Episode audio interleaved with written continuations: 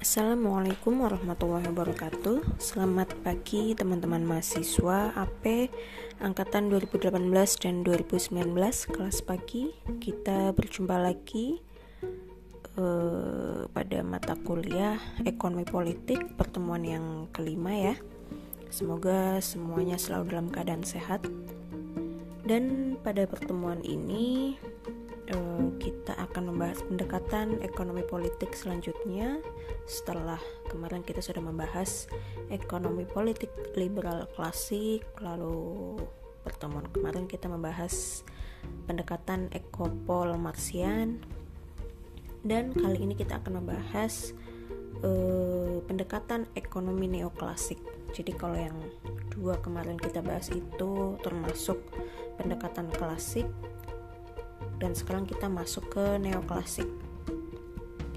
Jadi pendekatan neoklasik ini merupakan kritik terhadap pendekatan Marxian. Jadi teori-teori yang dikembangkan oleh Marx dan Engels mendapatkan hmm, banyak tanggapan dari para ekonom pada waktu itu, baik dari kaum sosialis itu sendiri maupun dari kaum liberal kapitalis. Nah, pemikir-pemikir ekonomi dari kaum liberal ini kemudian dimasukkan ke dalam satu kelompok pemikir ekonomi tersendiri yang disebut madhab neoklasik, yaitu yang mulai pada tahun 1871. E, karena analisis yang dibuat oleh Marx untuk meramal keruntuhan kaum kapitalis bertitik tolak dari nilai kerja dan tingkat upah, maka para pakar neoklasik mempelajari kembali secara mendalam e, Kemudian mereka mendapat kesimpulan yang sama bahwa teori surplus value atau nilai surplus yang dikemukakan oleh Marx itu tidak mampu menjelaskan secara tepat tentang nilai komoditas atau modal. Dari kesimpulan ini, mereka telah menghancurkan seluruh e, bangunan teori sosialis yang dikembangkan oleh Marx dan Engels dan e, menyelamatkan sistem kapitalis itu dari kemungkinan krisis. Para pakar tersebut dalam membahas ramalan Marx menggunakan konsep analisis marginal atau marginal analysis atau marginal revolution yang pada intinya konsep ini merupakan uh, pengaplikasian kalkulus diferensial terhadap tingkah laku konsumen dan produsen serta penentuan uh, penentuan harga-harga yang ada di pasar. Teori tersebut menghidupkan kembali ilmu ekonomi, terutama klasik yang hampir mati saat itu. Oleh sebab itu, pakar-pakar tersebut dinamakan aliran neoklasik atau disebut juga sebagai aliran marginalis karena mengembangkan konsep ekonomi menggunakan analisis marginal. Nah, eh, penganut pendekatan neoklasik ini telah mengubah pandangan tentang ekonomi baik dalam teori maupun dalam metodologinya. Jadi teori nilai tidak lagi didasarkan pada nilai tenaga kerja atau biaya produksi, tapi e, kemudian beralih pada kepuasan marginal atau marginal utility. Dan pendekatan ini merupakan pendekatan yang baru dalam teori ekonomi. Jadi e, kalau dalam teori klasik pasar itu dipandang sebagai sistem yang terdiri atas transaksi-transaksi yang dilakukan secara sukarela antara beberapa pemilik properti yang independen yang sama-sama mengejar kepentingan masing-masing. Sedangkan dalam e, teori neoklasik punya pandangan bahwa transaksi itu terjadi apabila dianggap memberikan kesejahteraan bagi dua belah pihak yang terlibat dalam transaksi tersebut. Nah, secara sederhana aliran neoklasik ini e, dibedakan atas dua generasi. Generasi yang pertama itu e, fokus pada e, memperbaiki teori-teori ekonomi klasik. Sedangkan generasi kedua punya pandangan sendiri terhadap pasar dan para uh, pakar ekonomi neoklasik generasi pertama pun itu dibedakan lagi atas dua kelompok yaitu kelompok Austria karena hampir semua pendukungnya uh, berasal dari Austria. Yang kedua adalah kelompok ekonomi Cambridge karena para pendirinya seperti Alfred Marshall dan pendukungnya berasal dari University of Cambridge. Lalu aliran ekonomi politik neoklasik yang uh, generasi kedua muncul pada tahun uh, 30-an dengan pakarnya beberapa tokohnya itu adalah Piero Sraffa, John Violet Robinson, dan Edward Chamberlain. E, generasi kedua ini mengasumsikan pasar itu sebagai tempat persaingan yang tidak sempurna.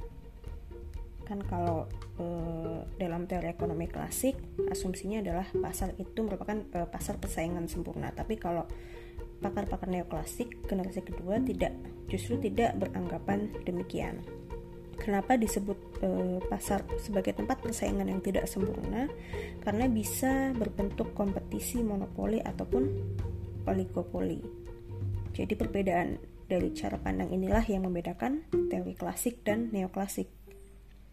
Kalau dalam model pasar persaingan sempurna, jumlah pembeli dan penjual itu banyak dan tiap-tiap pelaku ekonomi baik konsumen, produsen, maupun perusahaan tidak punya daya untuk mempengaruhi harga-harga yang terbentuk di pasar. Adapun dalam persaingan yang tidak sempurna, jumlah penjualnya itu lebih terbatas. Apalagi dalam proses monopoli, di mana hanya ada satu perusahaan yang menguasai seluruh permintaan konsumen. Semakin sedikit jumlah perusahaan, maka semakin tinggi kapasitas untuk memperoleh keuntungan ekonomi dengan mempengaruhi harga-harga dan output pasar. Jadi eh, memang eh, perspektif teori-teori yang digunakan dalam perspektif ekonomi politik neoklasik itu jauh lebih kompleks dibandingkan dengan perspektif ekonomi politik klasik. Kalau disebutkan oleh Grindel, teori ekonomi politik itu dibedakan atas dua kelompok. Yang pertama, pendekatan terpusat ke masyarakat dan yang kedua, pendekatan yang terpusat ke negara.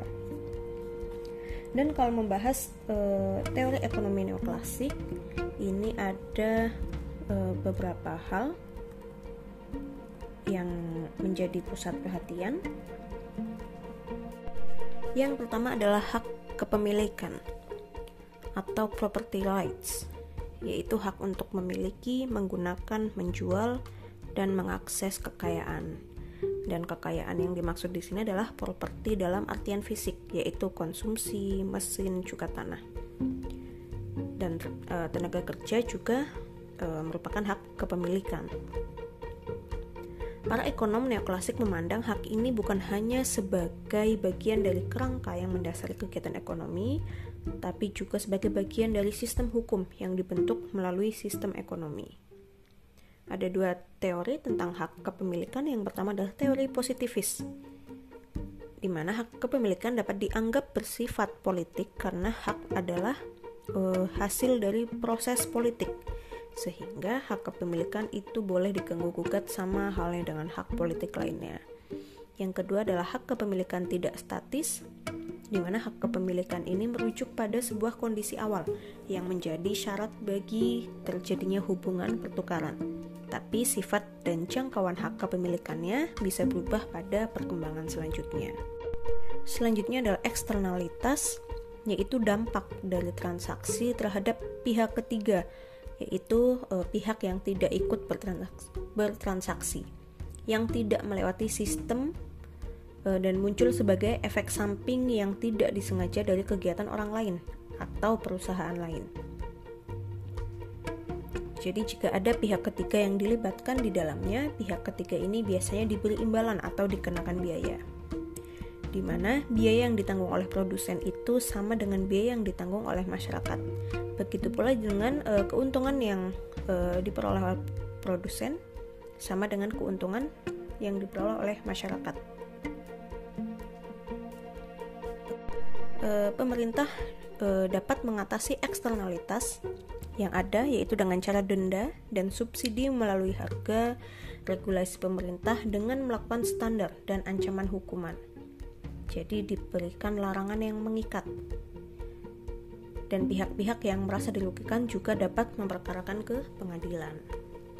Lalu konsep penting berikutnya adalah barang publik atau public goods di mana dalam pandangan neoklasik barang publik ini merupakan kegagalan pasar karena barang publik yang dibutuhkan banyak orang sering tidak berhasil diciptakan oleh diadakan oleh pasar. Dan sifat umum barang publik adalah non-eksklusif dan non-rival, yaitu tidak tersaingi dan tidak menyaingi. Jadi suatu barang dikatakan non-eksklusif apabila tidak ada cara untuk menyalurkan keuntungan dari barang itu. Tapi yang eh, hanya kepada mereka yang sudah membayar, tapi yang tidak membeli barang tetap bisa menggunakannya juga. Lalu yang selanjutnya adalah monopoli dan oligopoli di mana keduanya ini merupakan dua bentuk penyimpangan ketika pasar tidak lagi dalam kondisi persaingan sempurna. Seperti tadi disampaikan. E, oligopoli ini terjadi ketika beberapa perusahaan mengendalikan sebagian besar pasar atau aset dalam pasar untuk sektor tertentu. Dan perusahaan dalam oligopoli dapat menetapkan e, level harga yang lebih tinggi daripada level harga yang bisa terbentuk dalam persaingan sempurna perusahaan juga bisa atasi output karena mereka sudah mendapatkan laba yang tinggi dengan menjual produk yang lebih sedikit dengan harga yang lebih tinggi. Jadi, perusahaan akan menghasilkan eh, terlalu sedikit produk tapi meminta harga yang terlalu tinggi jika dibandingkan dengan standar berupa kondisi dalam persaingan sempurna dan individu-individu dan perusahaan-perusahaan yang hanya mampu membeli dengan harga yang lebih rendah otomatis akan e, tersingkir dari pasar. Di, e, di mana dampaknya adalah kepuasan atau kegunaan atau utility itu akan menurun. Dalam situasi ini harga tidak mencerminkan biaya produksi dan kelangkaan sumber daya tidak teralokasikan dengan efisien. Dalam situasi di mana ada eksternalitas dan barang publik, pasar tetap mengalami kegagalan ketika kondisi persaingannya sudah ideal. Di dalam oligopoli, kegagalan di tengah kesempurnaan ini masih e, diperparah lagi oleh inefisiensi yang disebabkan oleh terkikisnya tingkat persaingan dalam pasar itu sendiri. Namun yang sama antara kondisi eksternalitas dan barang publik dengan kondisi oligopoli adalah sama-sama ada alasan kuat bagi pemerintah untuk melakukan intervensi. Nah, di sinilah e, peran negara. Karena dengan kondisi tadi itu, e, perekonomian akan menjadi terhambat kemampuannya untuk bisa mengalokasikan sumber daya secara efisien. Pemerintah atau negara bisa melakukan intervensi untuk e, memecah perusahaan-perusahaan yang lebih besar ini menjadi perusahaan-perusahaan kecil agar mencegah terjadinya kolusi antara perusahaan besar untuk menetapkan harga seenaknya sendiri dan untuk menghalangi terjadinya merger-merger yang bisa menghambat persaingan.